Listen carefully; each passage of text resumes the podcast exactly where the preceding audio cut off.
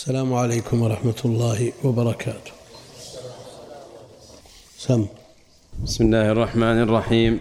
الحمد لله رب العالمين وصلى الله وسلم وبارك على عبده ورسوله محمد وعلى آله وصحبه أجمعين.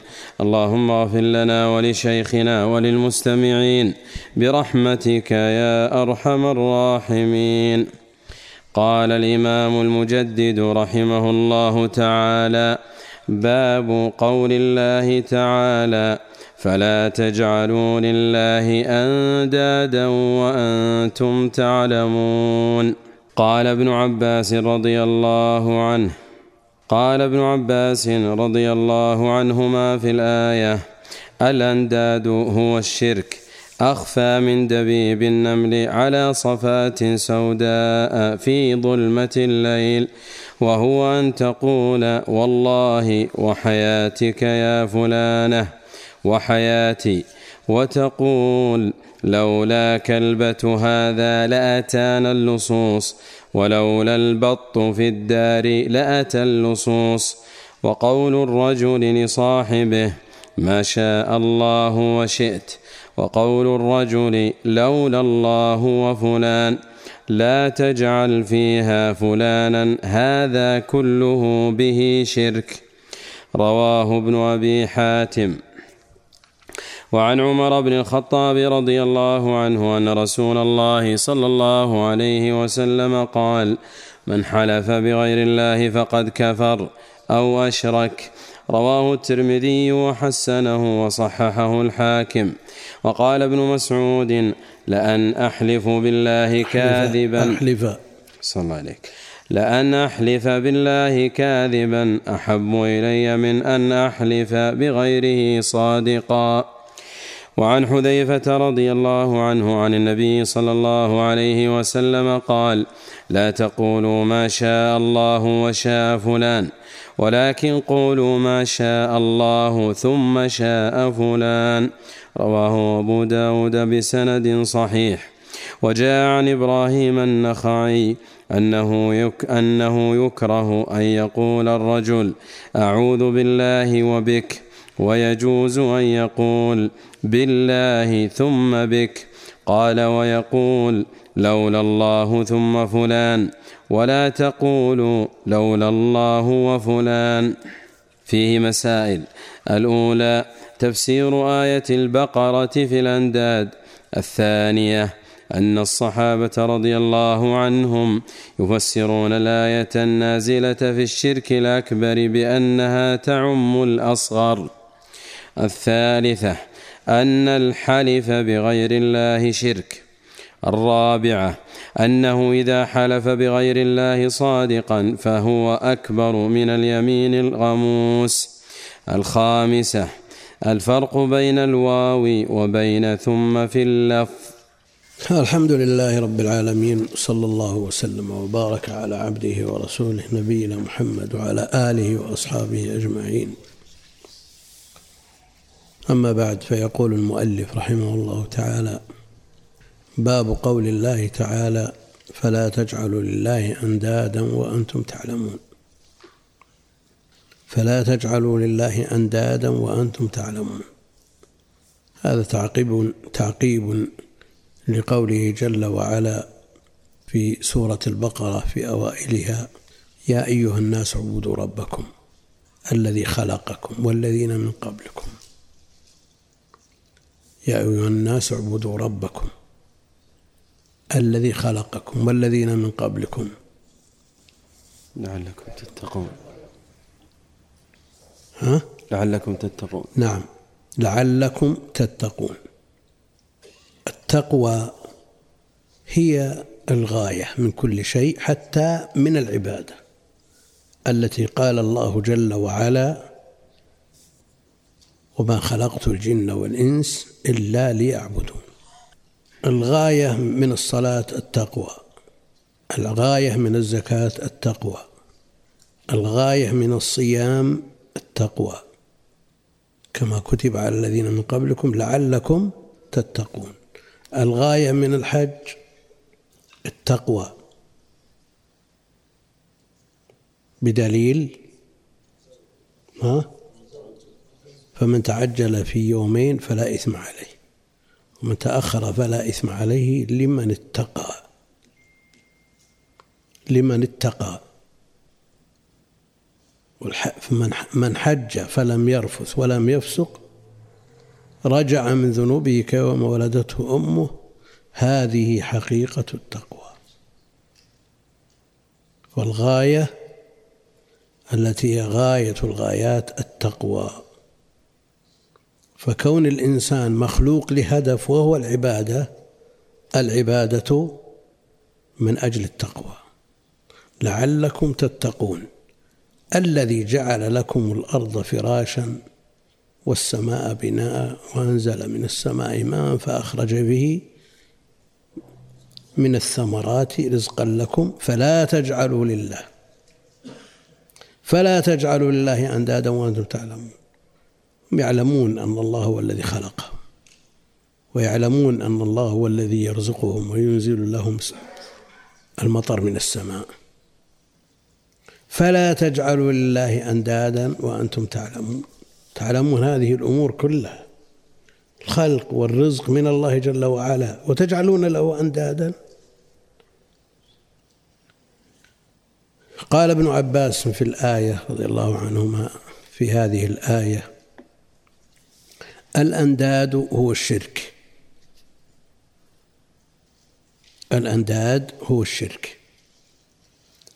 والند هو الشريك. الند هو الشريك والمثيل والنظير. فالأنداد هو الشرك. وهذا تفسير لفظي أو معنوي. لفظ الند هو الشرك أو الشريك. الند هو الشريك.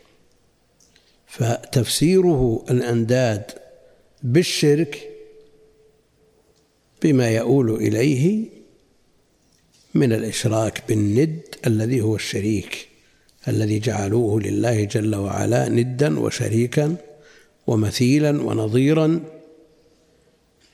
قال رضي الله عنهما أخفى من دبيب النمل.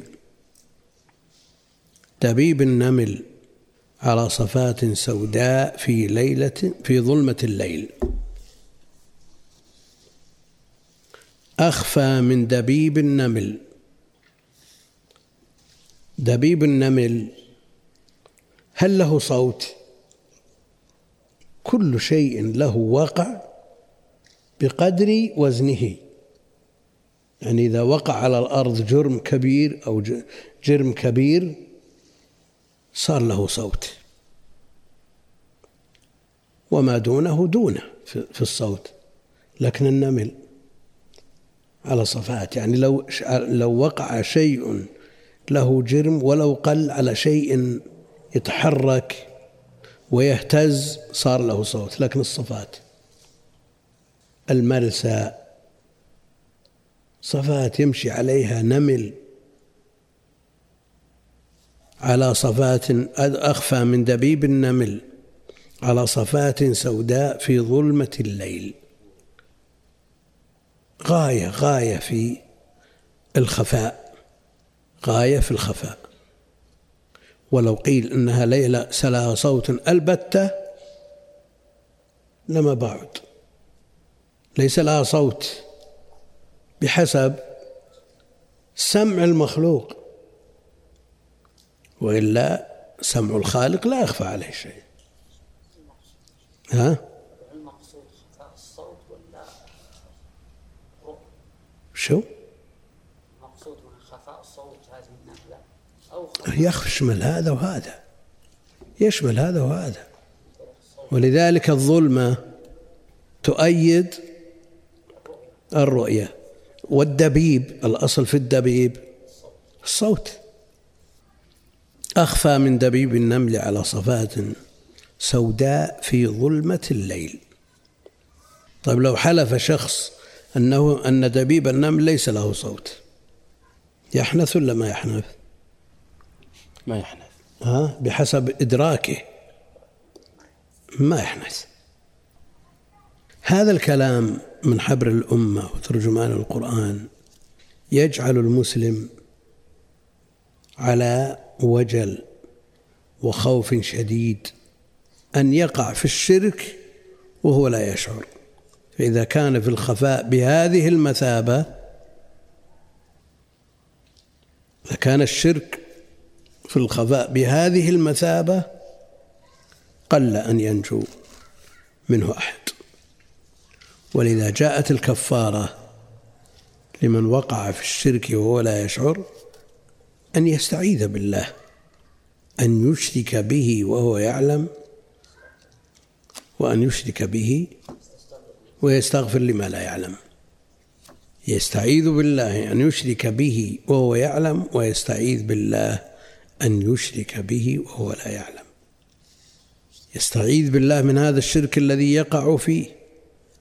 وإذا كان الشرك بالخفاء بهذه المثابة لا بد أن يقع فيه الإنسان إلا من عصمه الله. وهو أن تقول والله وحياتك أو حياتك. ضبطت اللفظ على أنها خطاب للمذكر وعلى أنه خطاب للمؤنث.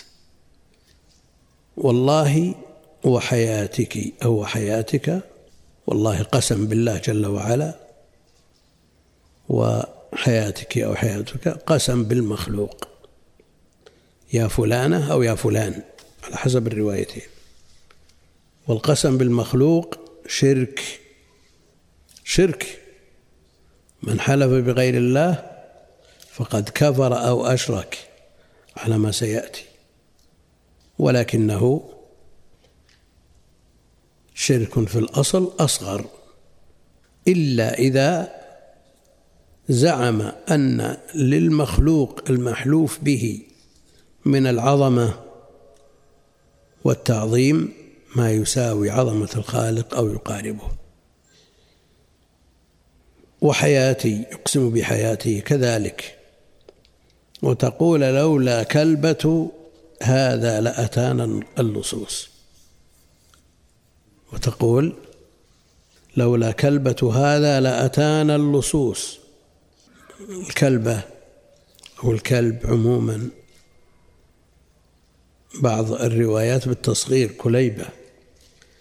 لأتانا اللصوص الكلاب إذا جاء شخص غريب تنبح ترتفع أصواتها ويستيقظ أهل الدار فلا يدرك اللص منهم شيء. فلا شك أن نباح الكلب سبب ولولا البط في الدار لأتى اللصوص. كذلك تصدر أصوات إذا جاء أحد فهي سبب. لكن إدخال هذه الأمثلة في الشرك لعدم الالتفات إلى المسبب. مع الذهول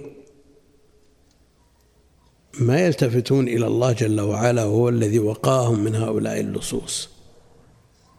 بعض الناس يشغل المسجل. إذا خرج أو سافر خرج من الدار أو سافر يخلي المسجل شغال ليل نهار أو على إذاعة القرآن أو شيء من هذا. تجده شغال. فاللص يظن أن أهل الدار موجودون فيكف عن السرقة. فهل يدخل من ضمن الأمثلة التي ذكرت في الباب؟ يدخل ما يدخل؟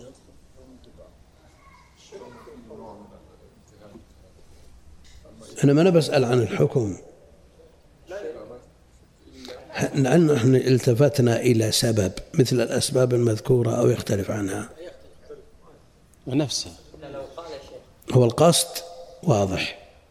لو قال شخص لو قال شخص لولا هذا القرآن لأتانا اللصوص أصبح لكن وجوده مثل وجود الكلب في البيت هل نقول أن وجود الكلب مؤثر فهمنا المثال. ها؟ واضح. المثال واضح والتنظير ظاهر. لكن الفرق أن هذه مخلوقات لا أثر لها والقرآن بذاته جعل الله فيه من الأثر ما فيه. له خصائص تختلف عن غيره. فهل من خصائصه أنه يطرد النصوص اللصوص كما أن من خصائصه الشفاء؟ ها؟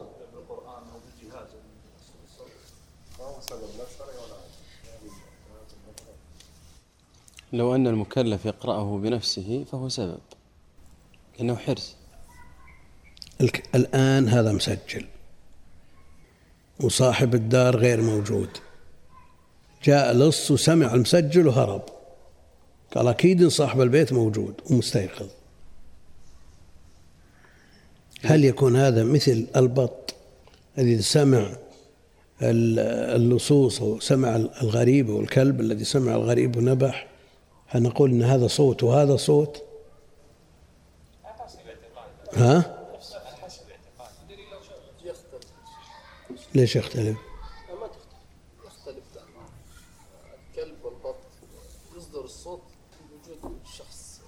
طيب. غريب لكن المسجل شغال أو الذي يعمل باستمرار ما يفهم انت بتقول لو لم سجل سيهجموا علينا النصوص. التنظير من هذه الحيثية. صاحب البيت اللي سافر يبي يقول لو لم سجل أو لولا القرآن خلنا بعد بعباره نفسها لا أتانا اللصوص. ها؟ لا يبي يخبرونها الجيران انه جاء لصوص حول الباب وسمعوا مسجل وهربوا.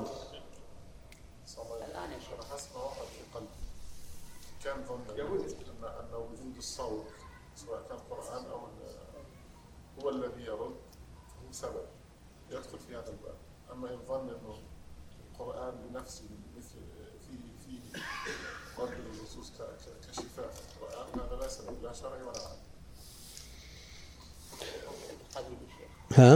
الآن انصراف اللصوص أليست رحمة؟ رحمة طيب. لا أنا لأن فيه وجه اتفاق ووجه اختلاف. إذا كان الاعتقاد بالصوت ذاته فالصوت صوت القارئ. الصوت صوت القارئ. ها؟ فيدخل في الأمثلة. وإذا كان من بركة القرآن من بركة القرآن الذي جعل الله الذي أنزله الله مباركا. نعم؟ من بركته طرد اللصوص هذا شيء آخر. نأتي إلى حكم المسألة الفرعية في هذا الباب. المسألة الفرعية حكم جعل المسجل شغال ليل نهار اللي طرد الجن ولا سيما في سورة البقرة وما جاء فيه النصوص والمكلف لا يستمع. القرآن في الأصل إنما أنزل للعمل به. ما أنزل ليسمع من غير استماع. ليسمع من غير استماع.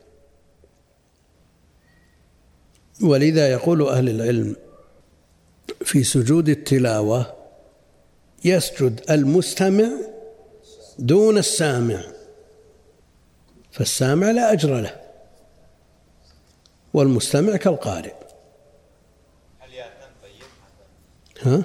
يأثم صاحب المسجل والله إذا شغل مجرد امتهان هو ما أنزل لهذا. القرآن أنزل كتاب أنزلناه إليك, إليك ليتدبروا آياته للتدبر والاعتبار والعمل به. اللي يضع المصحف على طبلون السيارة مش حكمه؟ ها؟ امتهان وابتداع. ما أنزل لهذا. مع من أهل العلم من المشايخ من يفتي أنه لا مانع أن يشغل وبركة القرآن في بلوغه لأي كان لأنذركم به ومن بلغ مجرد بلوغ فعلى كل حال المسألة خلافية والأحوط والأولى أن يصان كلام الله من الامتهان أحسن الله عليك لو جعل التلفاز أو المذياع على غير القرآن تكون مطابقة أي مثل. يقول لولا التلفزيون ما, ما لا أتانا اللصوص. يعرف أن المسبب الله سبحانه وتعالى هو النافع الله وجعل هذا من باب الإحتياط فقط ولا يلتفت إلى هذا يكون فيه نوع التفات لكن ليس كله اعتماده على هذا. هو مسألة المسألة تختلف باختلاف ما يقر في في القلب. ها؟ إيه. مقاربة لكن الكلام على ما يدور في القلب إذا كان اعتماده على السبب اعتمادا كليا من غير نظر إلى المسبب فهذا الشرك وإن رأى أن المسبب هو الله جل وعلا وهو النافع وهو الضار وهو الدافع وهذه مجرد أسباب أصوات ينصرف الناس أو.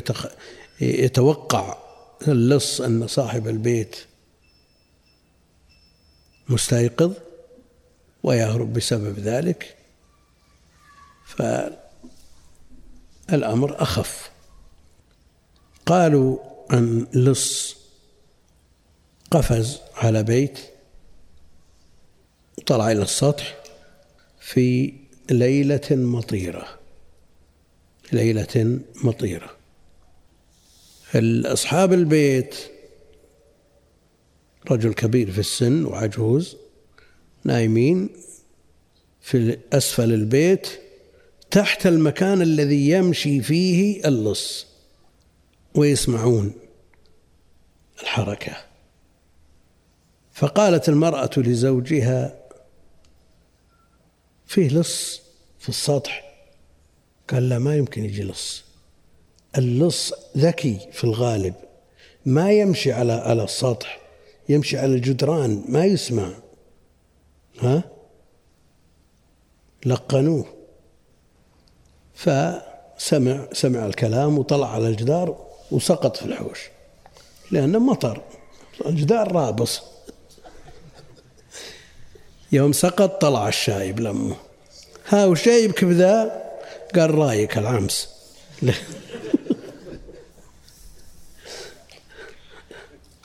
قال رأيك اللي جابنا هنا. ومجرد ما طلع على الجدار والجدار رابص من الماء ديم وقع. على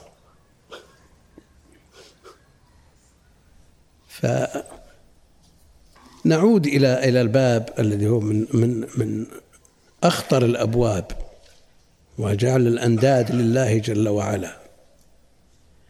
وأنتم تعلمون. وأنتم تعلمون. هذا القيد مؤثر ولا غير مؤثر؟ الذي يجعل لله ندا وهو لا يعلم. وأنتم تعلمون ما هو الكلام عن وقوع الشرك عن جهل. الكلام عن وقوع الشرك من شخص يعرف أن الله هو الذي خلقه ويعرف من كان ينكر وجود الخالق مثلا. ما يدخل في الباب؟ نعم. لا ما يدخل. يدخل؟ لا يدخل ليش؟ قال وأنتم تعلمون. هذا ما يعرف. هناك قيود مؤثرة وف- وفهوم ملغاة. يعني هؤلاء أشد عتب لأنهم يعلمون والذي لا يستوي الذي يعلم والذي لا يعلم. لا يستوون.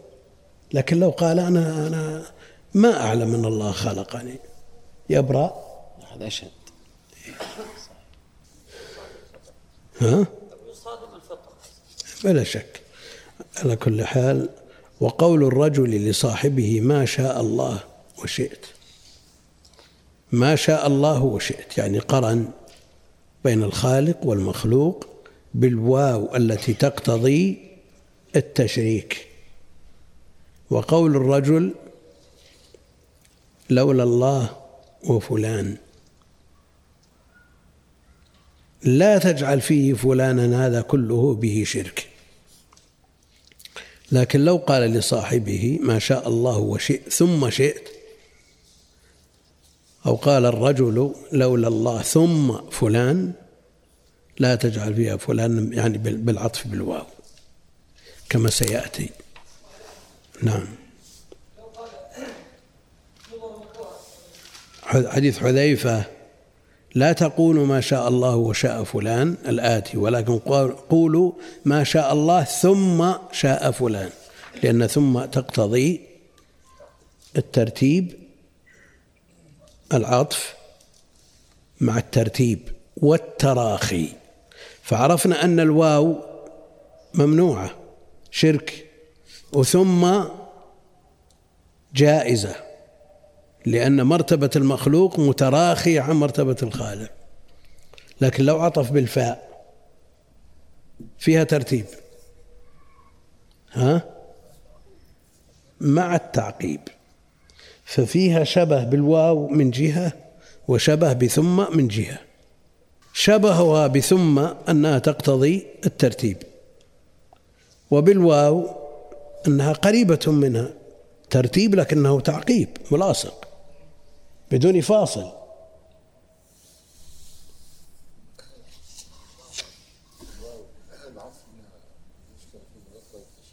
تشريك. لكن ثم قريبة جدا من ها؟ لا ما تقتضي تشريك. ترتيب. هي في الأصل ترتيب. ولذلك لا يجزم بمنعها مثل الواو ولا يجزم بإباحتها مثل ثم. لأنك إذا جعلت المخلوق في مرتبة قريبة من الخالق ولو كان دونه وقعت في محظور.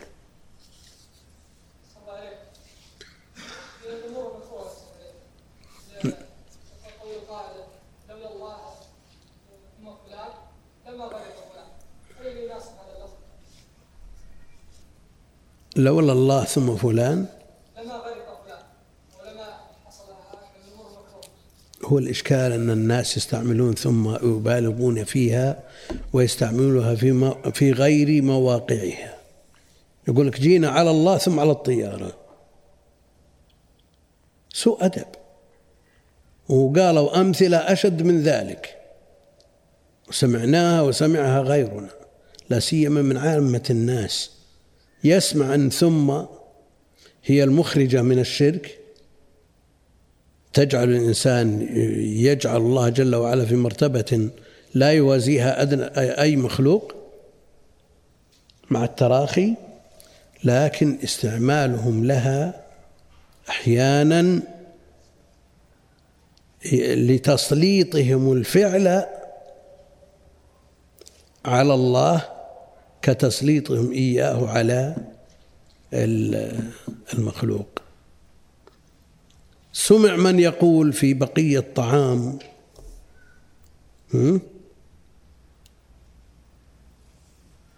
من يقول حافظوا على هذا الطعام. فإنه ما آكله إلا جاب لفظ الجلالة ثم الدبيش. الغنم وما الغنم. يسوق هذا. تعالى الله عما يقولون. يبالغون في استعمال هذه العبارة حتى وقعوا في في في عظائم الأمور. اللي ما يعرف ويسمع أننا ننكر كذا وكذا ونؤكد على كلمة ثم وهم جايين من آفاق ما ما يعرفون هذه الأمور يقعون في أشياء عظيمة.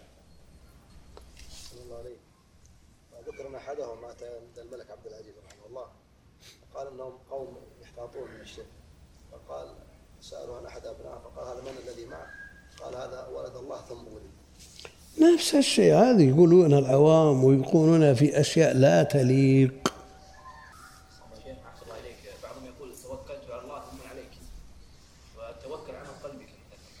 معروف لكن التوكل قد يطلق ويراد به التوكيل. توكلت عن فلان غير توكلت على فلان.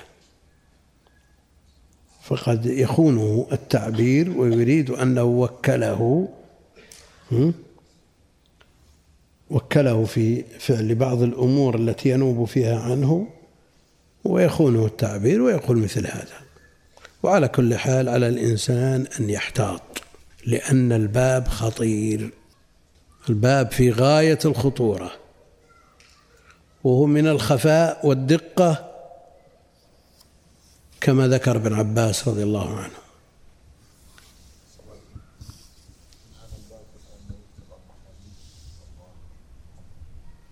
نعم.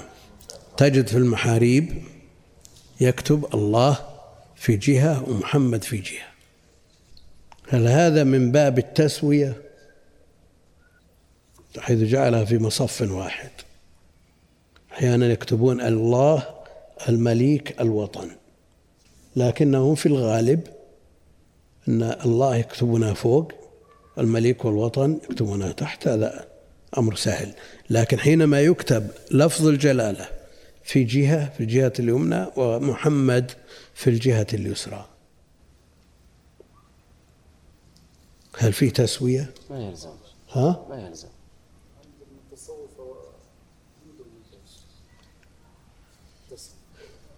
يكتب متصور يكتبون يا الله يا محمد ها؟ موجود في بعض المساجد المشهورة كانت في المسجد النبوي. فعدلت. يا محمد صارت يا مجيد. من آثار الدول الماضية. من آثار الدول السابقة. فعدلت يا محمد يا مجيد. والمجيد من أسماء الله جل وعلا. يا محمد الله في قول الله جل وعلا ورفعنا لك ذكرك. قال لا أذكر حتى تذكر معي. لا أذكر حتى تذكر معي. أشهد أن لا إله إلا الله. أشهد أن محمدا رسول الله. فهل هذا يدخل فيه ما يكتب على المحاريب؟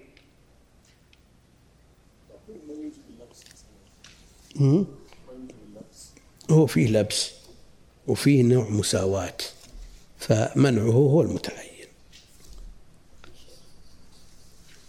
جعل في اليمين تقديم اليمين اول ما يقرا الله ثم يعقوبه محمد صلى الله عليه وسلم صل على محمد. إيش فيه؟ ما يكون هذا يدل على أقل يكون يوضع في لا لا هي مساواة مساواة. اليمين هي مساوية في في ال ال ال الارتفاع في درجة واحدة. فتركها أولى هذه مقابلة معروف.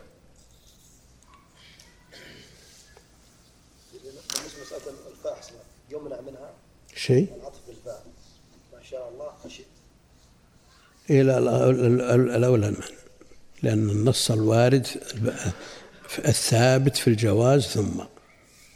وعن عمر بن الخطاب رضي الله عنه وصوابه عن ابن عمر. والحديث من مسند ابن عمر لا من مسند عمر. رضي الله عنه أن رسول الله صلى الله عليه وسلم اللي معه تيسير العزيز الحميد. معك ها؟ معك وش يقول؟ وش قال الشيخ سليمان؟ وعن عمر.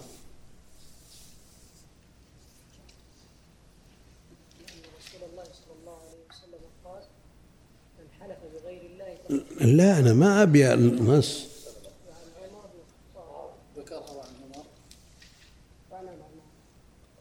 عن عمر عندك تنبيه الشيخ سليمان في الشرح؟ وش قال؟ هكذا وقع في الكتاب إيه. هذا من حديث ابن عمر لا من حديث عمر. ها؟ ذكره في الحاشية. حاشية من؟ إلا لم يأخذ الأصل أصل الأصول شرح الشيخ سليمان. أول الشروح. شرح الشيخ سليمان ثم بعد ذلك اختصر منه فتح المجيد وكمل. لأن شرح الشيخ سليمان كان ناقص. كمله الشيخ عبد الرحمن بن حسن. رحم الله الجميع. وعن عمر بن الخطاب صوابه كما قلنا عن ابن عمر أن رسول الله صلى الله عليه وسلم قال من حلف بغير الله فقد كفر أو أشرك. قالوا إن أو هذه هل تكون للشك؟ هل قال كفر أو قال أشرك؟ أو للتنويع. بعض من يحلف بغير الله يكفر وبعض من يحلف بغير الله يشرك. ها؟ يعني الكفر يكون بمعنى الشرك الأكبر أحسن الله هو هو على حسب ما يقر في قلبه والكفر كما يكون أكبر يكون أصغر كما أن الشرك كما يكون أكبر يكون أصغر والأصل أصل الحكم في هذه المسألة أنه شرك أصغر. إذا قارن الحلف تعظيم للمخلوق المحلوف به كتعظيم الله جل وعلا هذا شرك أكبر كفر أكبر. رواه الترمذي وحسنه وصححه الحاكم الإمام الترمذي هو الذي شهر الحديث الحسن وتعريف الحسن عنده إيش تعريفه؟ عند الترمذي ها؟ الترمذي ما أنا بقول كلهم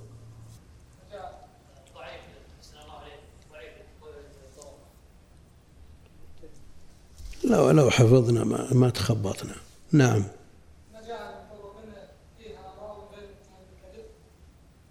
صح؟ وسلم من الشذوذ. طيب.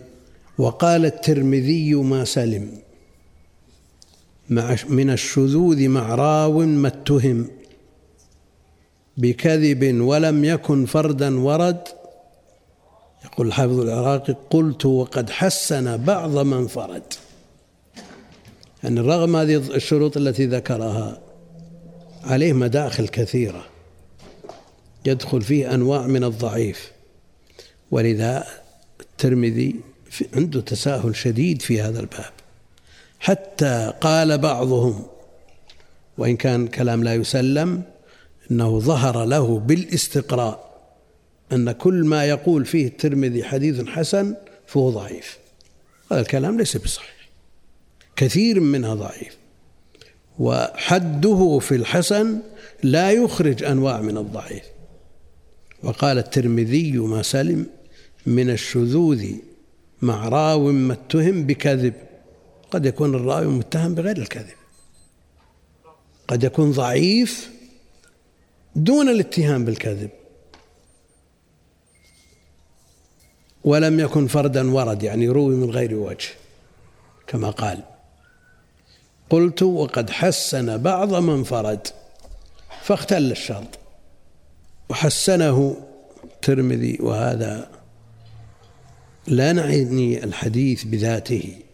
الحديث مصحح وأقل درجاته الحسن ما عندنا إشكال بالحديث لكن أصل اصطلاح الترمذي في هذا الباب فيه ما فيه.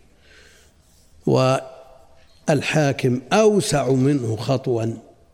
فقد صحح بعض الأحاديث الضعيفة وكثير من الأحاديث الضعيفة وأدخل في مستدركه على الصحيحين بعض ما وصف أو بعض ما حكم عليه بالوضع من الأحاديث فهو أشد.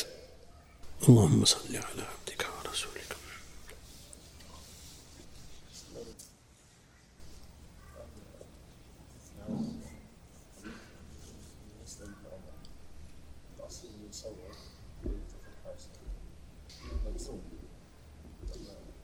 يعني التصحيح إذا وقع خطأ في كتاب هل يصحح في أصل الكتاب أو يطبع كما هو وينبه عليه في الحاشية؟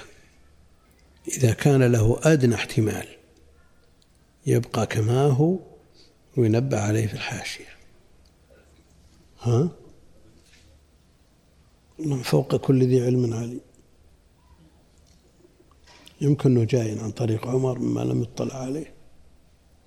فمثل هذا يبقى كما هو ويصوب في الحاشية. جاء في صحيح مسلم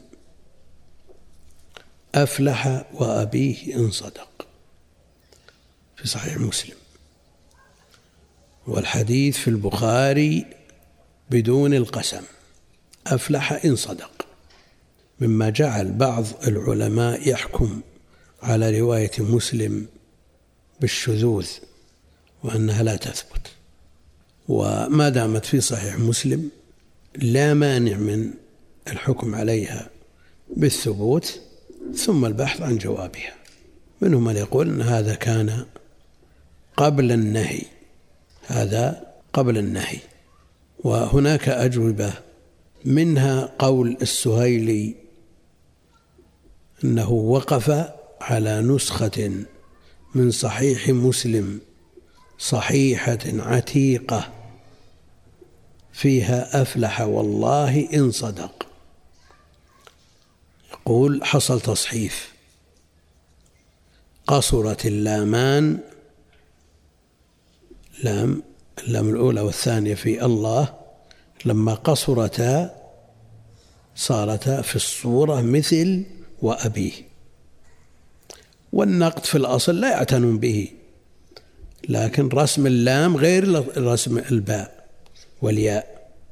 يقول فقصرت اللامان فصارت الصورة وأبيه ووقف على نسخة صحيحة من صحيح مسلم يقول عتيقة فيها والله. والتصحيف وارد. لكن على كل حال هي الموجودة في صحيح مسلم والأجوبة كما قال أهل العلم منهم من يقول هذا قبل النهي عن الحلف بالآباء.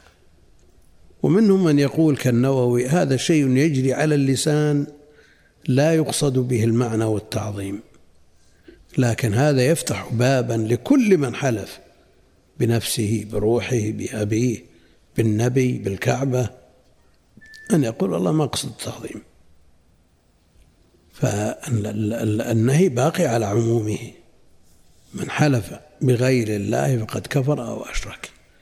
وقال ابن مسعود لأن أحلف بالله كاذبا أحب إلي من أن أحلف بغيره صادقا. لأن أحلف بالله كاذبا أحب إلي من أن أحلف بغيره صادقا. وذلكم لأن الحلف بالله كاذبا. غاية ما فيه أنه يمين غموس وهي من الكبائر. هذا عند من يقول أن كل حالف بالله كاذب غموس. ومنهم من يخص اليمين الغموس؟ بمن حلف بالله كاذبا ليقتطع به مال امرئ مسلم. وأما إذا حلف بغيره ولو كان صادقا فهذا شرك. وعلى أكبر تقدير أو أسوأ احتمال انه يمين الغموس أسهل من الشرك. لأن الشرك عند جمع من أهل العلم والراجح عند شيخ الإسلام ابن تيمية أنه لا يقبل الغفران. تشمله آية النساء إن الله لا يغفر أن يشرك به ويغفر ما دون ذلك لمن يشاء يتشمل الشرك الأصغر فإنه لا يغفر لا بد أن يعذب ثم بعد عذابه يخرج من النار بينما الكبائر تحت المشيئة إن شاء عذبه وإن شاء عفى عنه يقول والدين شو؟ يقول في والدين شلون؟ حروف القسم كم؟ حروف القسم ثلاثة. الواو والباء والتاء. الواو والباء والتاء. ها؟ هو ما يطلق عليه قسم. ولذلك بعض الناس يقول في قولهم لعمري أو لعمرك انها قسم. إذا ليس فيها شيء من القسم. قد يقول قائل أن اللام موطئة لقسم محذوف أو مقدر لكن لا في الأصل ليست القسم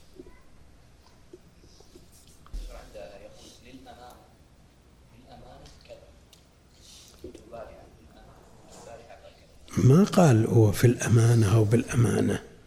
يعني من يعني أني أصدقك. وأنت مؤتمن لي مؤتمن لي فيما أحدثك به. فهذه الأمانة التي حملتني إياها إلى آخر ما يقول. ولا معا كل لفظ يحتمل على المسلم أن يبتعد عنه. بعضهم يقول بذمتي. إيش معنى بذمتي؟ أو بذمك. هو يقصد القسم؟ يريد أن نحلف بذمتك؟ هي بذمتي يقول. وقد يقول في ذمتي. ها؟ في نفس ما ذكر مم. اي لكن يقول لك أنا منطقتنا الباء بمعنى في أين أبوك في كتب اللغة؟ أين أبوك بالمسجد؟ وهو يقصد في المسجد. فلان في ذمة الله. هم؟ لأن أحلف بالله كاذبا أحب إلي من أن أحلف بغيره صادقا. وعن حذيفة رضي الله عنه عن النبي صلى الله عليه وسلم قال لا تقولوا ما شاء الله وشاء فلان.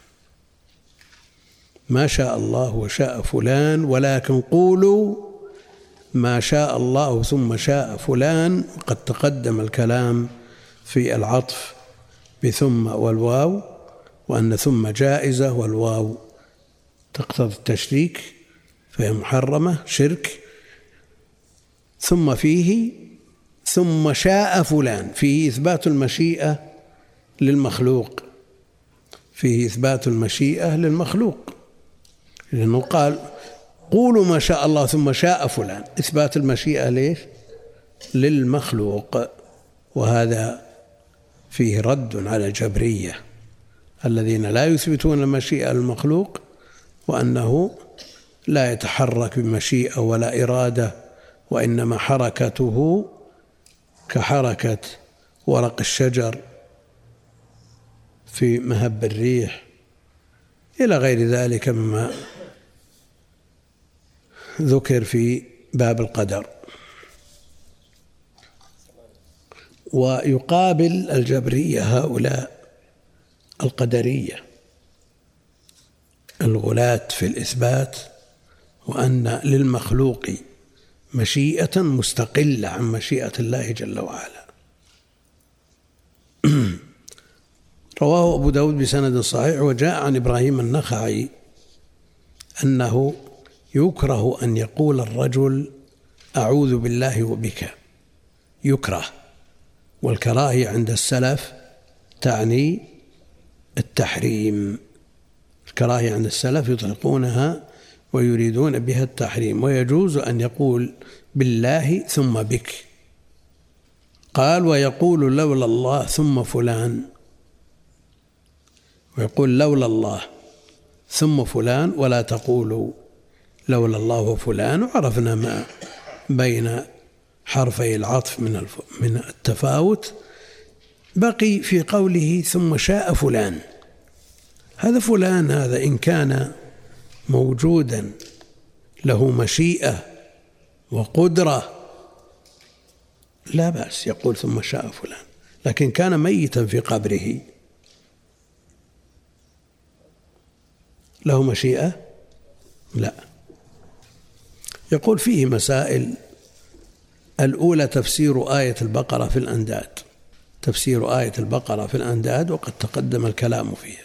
الثانية أن الصحابة رضي الله عنهم يفسرون الآية النازلة في الشرك الأكبر بأنها تعم الأصغر. بأنها تعم الأصغر. لعموم اللفظ وهو الشرك الأمر الثاني أن الأصغر قد يرتقي حتى يصل إلى الأكبر تبعا لما يقر في القلب. الثالثة أن الحلف بغير الله شرك. وهذا نص النصوص السابقة. الرابعة أنه إذا حلف بغير الله صادقا أنه إذا حلف بغير الله صادقا إذا حلف بغير الله صادقا فهو أكبر من اليمين الغموس. وهذا ما يدل عليه كلام ابن مسعود. كلام ابن مسعود.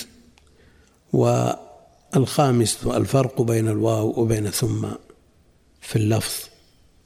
وعرفنا أن التشريك بالواو شرك وثم التي تدل على الترتيب وتراخي المنزلة منزلة المخلوق عن الخالق أنها جائزة كما تقدم والله أعلم. ها؟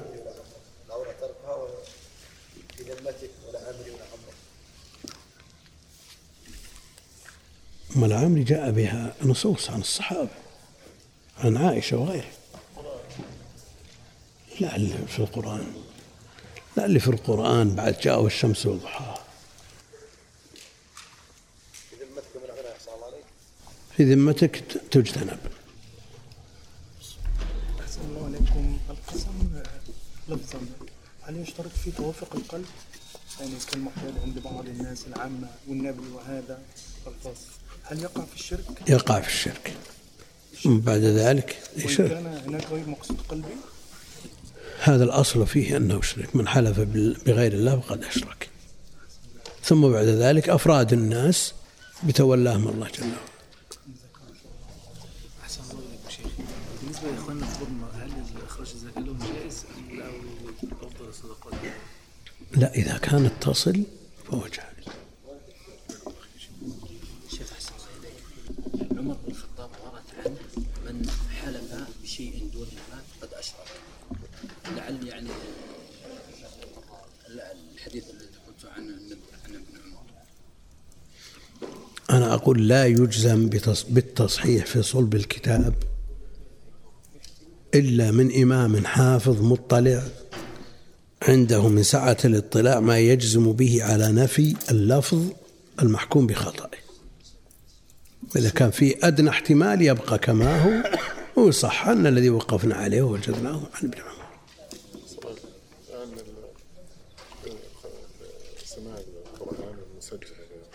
ما ينفع اللي عنده مس وكذا وش هو أنت سمع مباشرة.